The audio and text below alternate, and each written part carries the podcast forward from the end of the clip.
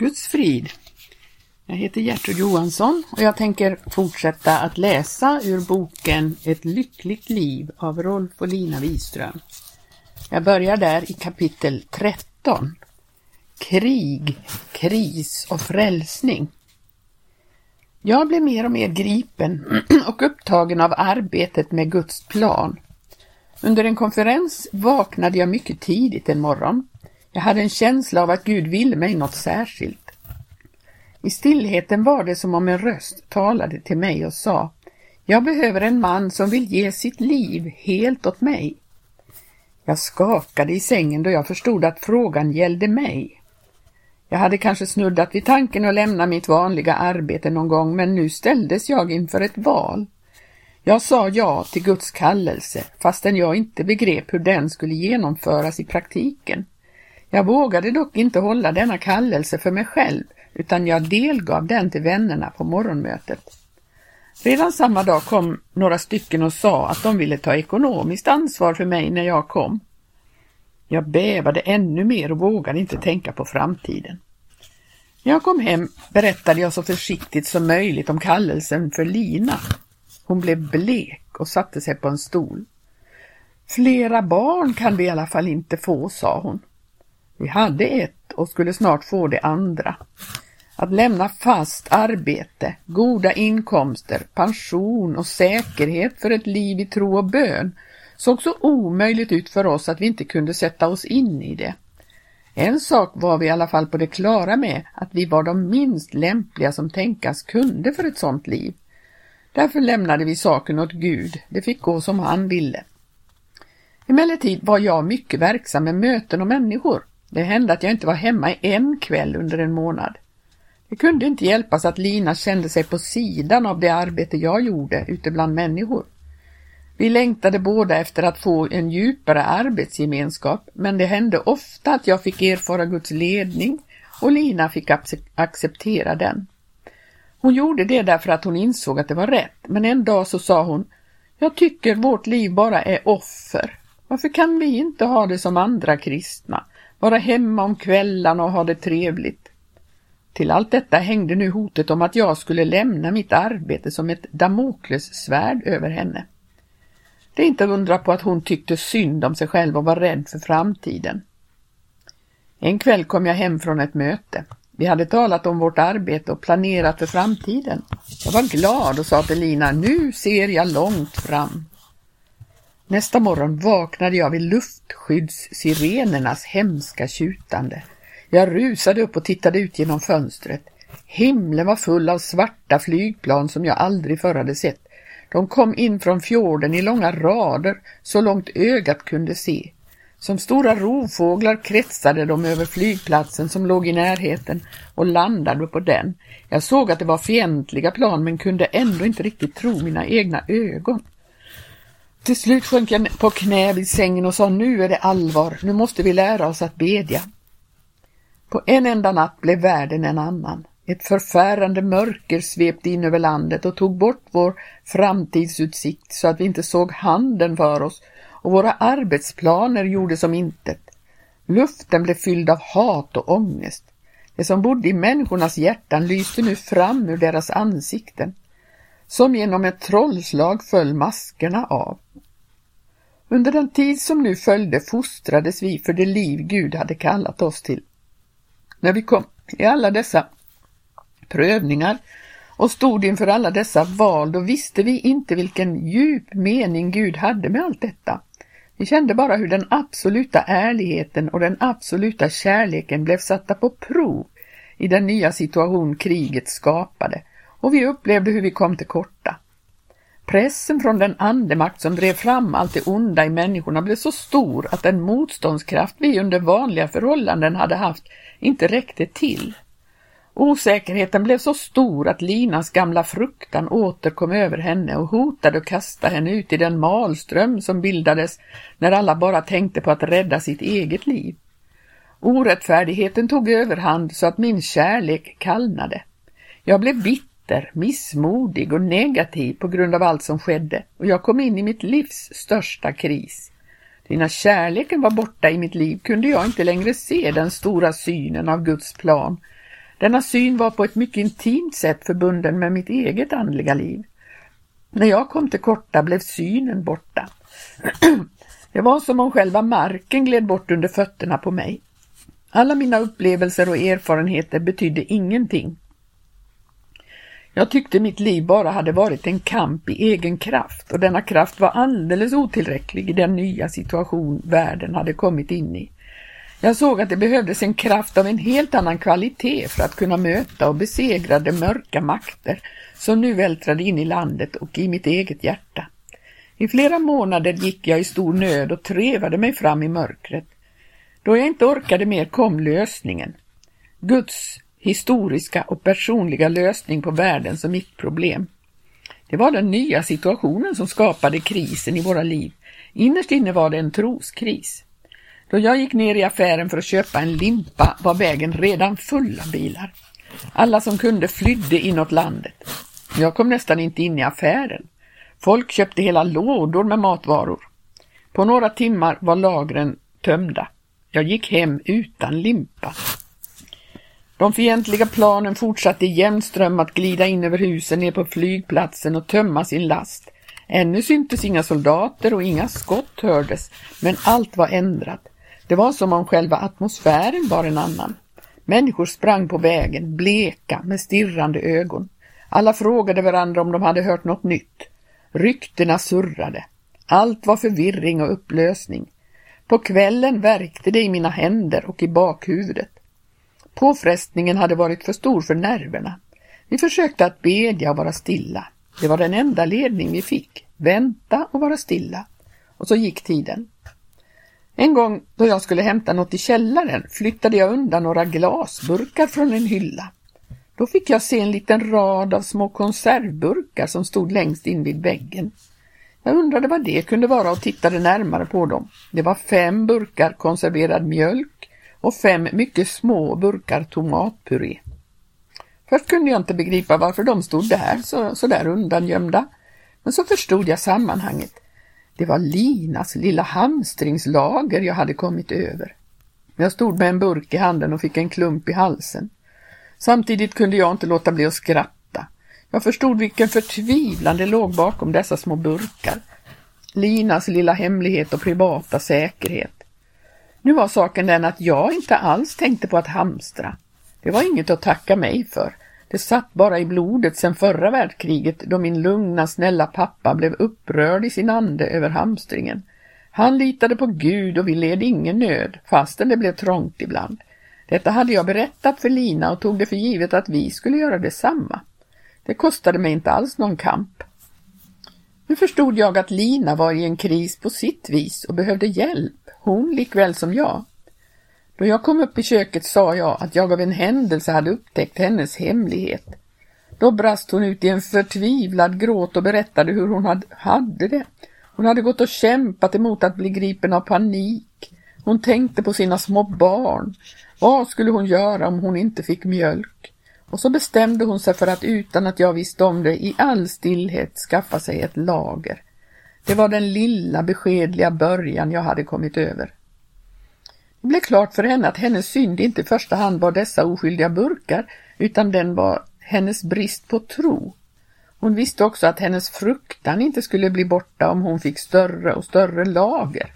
Hon stod inför frågan om Gud verkligen kunde sörja för oss rent praktiskt och materiellt. Kunde hon lita på Gud när det gällde maten? Att gå denna nya väg betydde att bryta med sitt gamla förnuft. Om hon inte kunde lita på Gud i denna fråga kunde hon inte lita på honom i något. Hon såg hur hon hade fallit ifrån sitt barnsliga förtroende till Gud. Det var inget tvång. Om hon inte vågade lita på Gud så fick hon hamstra. Gud skulle inte neka henne det och jag skulle inte förebrå henne för det. Men Gud gav henne genom detta en chans till att komma djupare in i trons hemlighet. Hon grep den. Den bön hon bad ska jag aldrig glömma. Hon lämnade omsorgen om barnens mjölk åt Gud och fruktan släppte sitt hemska tag i hennes hjärta. Under alla krigsåren hände det aldrig att vi var utan mjölk. Vi fick två barn till så vår mjölkranson blev ganska stor. Det var nästan så att vi skämdes för de andra människorna i affären när vi bar hem alla våra mjölkflaskor. Det var Linas största kamp och viktigaste överlåtelse. Utan den skulle vi aldrig ha kunnat gå den väg vi sen fick gå. Linas kris antog konkreta former. Hon hade sina burkar att överlåta. Jag önskade också att det hade varit bestämda saker som jag hade kunnat få bort ur mitt liv, men så enkelt var det inte. Jag kände det som om mitt hus hade blåst omkull i stormen. Själva grunden hade sviktat. Till trots för alla ansträngningar för att fylla de absoluta kraven hade jag kommit till korta. Det gick upp för mig att jag aldrig skulle kunna fylla dem. Men då kom jag tillbaka till den ställning jag var i innan jag upplevde Gud, då jag tyckte allt var relativt. Jag hade aldrig menat att de absoluta kraven bara skulle vara ideal som man arbetade mot utan att någonsin kunna nå dem. Jag trodde att det var meningen att människan skulle bli fylld av den absoluta kärleken och ärligheten och renheten och osjälviskheten. Tidvis hade jag nog upplevt det men jag ville ha dem i mig alltid och det gick helt enkelt inte. Jag kände denna min otillräcklighet som min verkliga synd. Och det märkliga var att denna synd inte var något jag hade gjort, men den var något jag var. Jag var helt enkelt inte skapad för det absoluta. Jag hade medfött fabrikationsfel. I denna själens stora kris hade jag två vägar att välja mellan. Den ena vägen var att kompromissa och sätta upp kraven som ett ideal man alltid bör ha för ögonen. I praktiken blir det att man talar mindre och mindre om dem. Man hittar andra mål som det lönar sig mer att kämpa för därför att man har mer hopp om att nå dem. Den andra vägen är att man bestämmer sig för att gå in för de absoluta kraven hur omöjligt det än ser ut att fylla dem. Jag hade valt den sista vägen och det gick som det nödvändigtvis måste gå. Jag kom i det som de gamla haugianerna kallade syndanöd, fastän jag inte visste om det själv. Jag gick långt in i skogarna för att ingen skulle se eller höra mig. Där la jag mig ner i mossan och ropade på Gud så högt jag kunde. Jag kände mig som en drunknande i sjönöd som ropar på hjälp. Jag gick där och sjöng Luthers psalm Ur djupaste nöd jag ropa må, o Herre, du mig höre. Då började jag förstå att jag inte var ensam om denna nöd. Jag såg att det enda som kunde lösa mig ur dessa bojor var en kraft utom mig själv. Jag satt fast i min egen begränsning som mannen i järnringen på Vigelandsbron i Oslo, en genialisk konstnärs symboliska framställning av människans hopplösa kamp för att komma loss. En het sommardag gick jag åter upp i skogen. Jag tyckte inte jag orkade mer. Det kändes som att släpa på fotkedjor med tunga järnkulor. Jag satte mig under en tall och läste något i mitt nya testamente. Sen skar jag med kniven ett kors i barken. Och så somnade jag, överväldigad av trötthet och hetta. Då jag vaknade, eller innan jag var riktigt vaken, hörde jag en röst alldeles tydligt säga Rolf, varför strävar du så? Se på vad jag har gjort. Jag tyckte jag befann mig utanför tid och rum i en kristallklar atmosfär. I dessa sekunder gick sanningen om Kristi kors upp för mig med överjordisk klarhet. Han hade gjort sig till ett med mig och hade tagit min otillräcklighet med sig in i döden. Den gamla människan som aldrig kunde fylla de absoluta kraven dog där med honom på korset. Jag var korsfäst med honom. Detta jag med det hopplösa fabrikationsfelet. Min djupa längtan efter fullkomlighet skulle aldrig kunna bli verklighet annat än genom hans död och hans uppståndelse. Den gamla människan dog med honom och den nya fullkomliga människan uppstod med honom. Jag upplevde inte detta som någon slags extas. Det verkade bara som intensiv klarhet såväl i hjärta som i hjärna. Då jag reste mig kändes det som om dessa tunga bojor hade fallit av mig och jag kunde inte gå som vanligt utan jag började springa. Då jag började tänka på vad som egentligen hade hänt ropade jag till. Det är ett historiskt faktum. Att min kamp blev utkämpad av Jesus för 2000 år sedan var ett historiskt faktum. Det hade inget med mina ansträngningar och mina känslor att göra. Det var ett faktum därför att det ägde rum för 2000 år sedan. Medan jag sprang där och ropade historiskt faktum fylldes jag av en glädje som jag aldrig förr hade känt. Mannen i järnringen hade kommit loss, inte genom egna krafter eller på grund av egen förtjänst, men genom Guds kärlek och nåd. Jag sprang på fast mark, på en grund som var lagd av Gud för att frälsa en hel mänsklighet från denna relativa och förgängliga värld. Jag skyndade hem så fort jag kunde. Lina frågade vad som hade hänt då hon fick se mig. Jag var som förvandlad. Jag är frälst, sa jag av hela mitt hjärta. Det var första gången jag sa det. Jag hade aldrig förr förstått vad det egentligen innebar. När skedde det? frågade Lina. För 2000 år sedan, svarade jag. Jag ville bli fullkomlig men kunde inte. Jag ansträngde mig tills jag sprack. Då mötte jag Jesus. Det var inget fel på den genialiska förenklingen av bergspredikans krav på absolut kärlek, ärlighet, renhet och osjälviskhet. Den som av hela sitt hjärta går in för detta hamnar förkrossad vid Jesu kors. En modern hedning som jag kunde inte fatta talet om korset. Det var mig till anstöt, men jag förstod dessa absoluta krav. Jag grep efter dem för att det med deras hjälp frälsa mitt liv från all kärlekslöshet och lögn. Men det som skulle bli mig till liv, det blev mig till död. Då frälste Jesus mig. Inte hans lära, men hans person.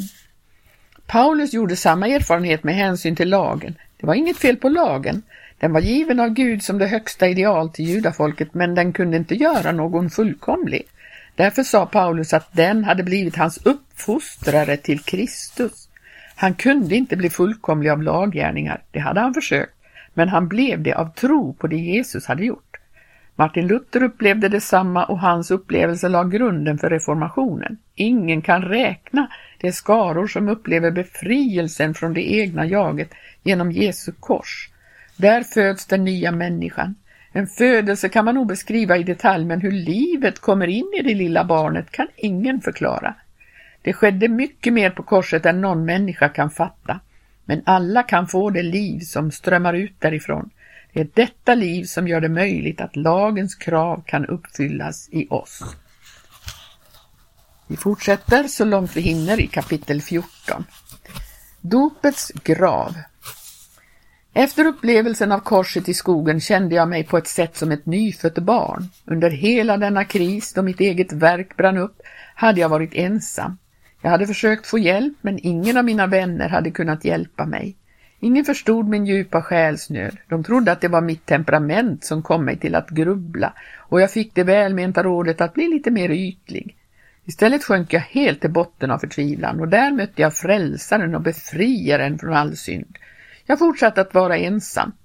Min egen hustru förstod inte vad jag talade om och jag kände mig hjälplös. Jag längtade efter näring för detta nyfödda barn. En söndag förmiddag kort tid därefter fick jag en helt oväntat den tanke att jag skulle gå på ett möte i stan. Jag vågade inte säga till Lina att det var till pingstvännernas församling jag ämnade mig. Jag skämdes lite för det. Därför sa jag bara att jag gick till en gudstjänst. Ja, gör det du, sa hon vänligt. Hon gick denna tid med en hemlig fruktan för att jag skulle bli en avfälling och hon kunde inte hjälpa mig.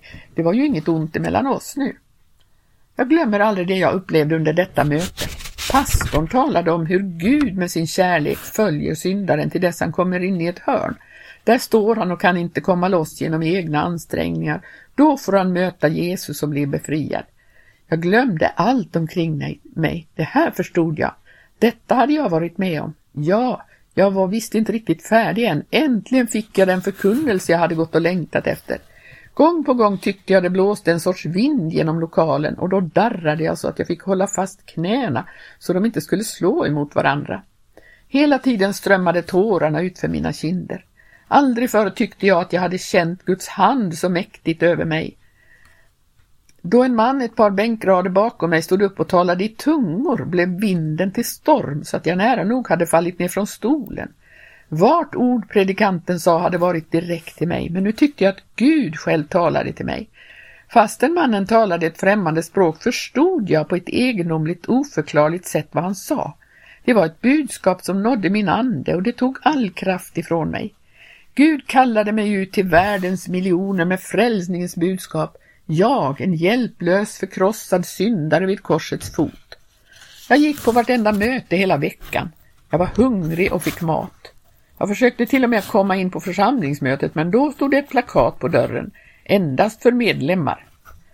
Den kvällen kom jag inte på möte. Jag hade ingen aning om hur en församling var ordnad och tyckte det var sorgligt att jag inte fick vara med om allt. Men på nästa möte satt jag där igen, långt framme och sög in varje ord då predikanten uppmanade syndare att komma fram och lämna sig åt Gud. Då kunde jag inte stå emot. Det var en kraft som tog mina fötter och drev mig fram och böjde mig ner där framme vid första bänken. Musiken hördes långt borta och mitt hjärta fylldes av en underbar frid. Jag låg alldeles stilla vid Jesu kors. Då viskade en elak röst i mitt hjärta. Vad tror du dina vänner skulle säga om de såg dig här? Det stack till i mitt kött som om en giftig pil hade träffat mig. Men då tog jag ett fastare tag om korset och svarade, här ska de få se mig på rätt plats. Jag hade kommit ner från talarstolen och ledarplatsen till botbänken. Det är den karriär man får göra i Guds rike om man har börjat fel. För första gången i mitt liv såg jag människor bli döpta och det grep mig starkt. Det var som en illustration till Bibeln. Jag tyckte jag blev förflyttad 2000 år tillbaka i tiden och såg den första kristna församlingen. Genom det jag såg för mina ögon och det jag läste i Bibeln talade Gud till mig om dopet. Jag såg att det var den väg Gud ledde mig in på och jag längtade efter att bli döpt. Men jag förstod inte hur jag skulle få kraft till att göra det. Jag visste att det skulle komma att kosta mig min prestige och att mina vänner inte skulle förstå mig. Och det smärtade mig att tänka på att jag, som hade en djup längtan efter de kristnas enhet, genom att bli döpt skulle bli betraktad som sektmänniska. Mitt förnuft stod alltså emot, men också min natur vägrade att lyda. Att gå ner i dopets grav, som han sa, betydde verkligen att gå ner och jag hade inte lust till att gå skammens och förödmjukelsens väg. Jag kämpade en tid mot min stolthet och mitt förnuft. Jag kunde inte tala med människor om detta, för det var en sak som bara angick Gud och mig. Det var inte fråga om dogmer eller rätt lära. Det var Guds ledning och frågan var om jag ville ta upp mitt kors och följa Jesus, gå utanför lägret och dela hans smälek. I den ställning jag var kunde jag inte se den härlighet och glädje som låg bakom skammen och smäleken. Jag såg bara korsets yttersida. Skam, lidande och död. Men jag visste att jag måste gå igenom detta för att komma in i uppståndelsen och livet. Det var ingen människa som övertalade mig att gå denna väg. Det enda som övertygade mig var att Jesus hade gått den. Då jag satt på plattformen i den vita dopdräkten kände jag att broarna bakom mig var brända. Jag hade definitivt brutit med det gamla livet och ett nytt skede i mitt liv började. Jag hade tagit steget fullt ut. Den frid som fyllde mitt hjärta var obeskrivlig. Jag hade alltid varit nervös när jag stod inför stora skaror och skulle tala. Nu stod jag inför Gud. Mitt hjärta var alldeles lugnt. Jag tänkte inte på vad jag skulle säga. Jag hade bara Bibeln i min hand. Jag visste att nu blev jag invigd till det som Gud hade kallat mig till. En Jesu Kristi efterföljare på denna jord. Efter dopet fick jag en djup längtan efter att bedja.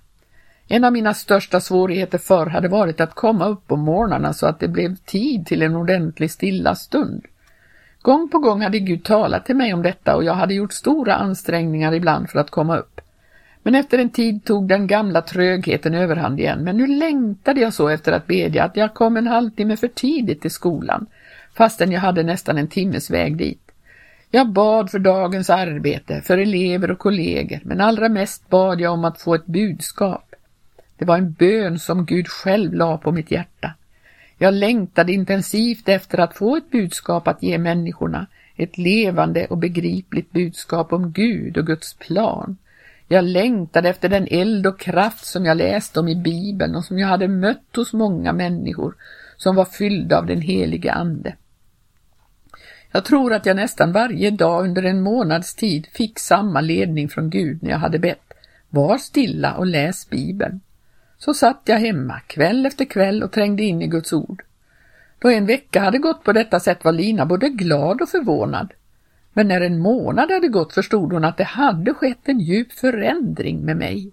Hon andades ut efter alla kriser och påfrestningar och fick en förvissning om att det nu skulle hålla för mig. Vi får avbryta där för denna gången och fortsätter med kapitel 14 nästa vecka. Gud välsigne dig som har lyssnat och på återhörande.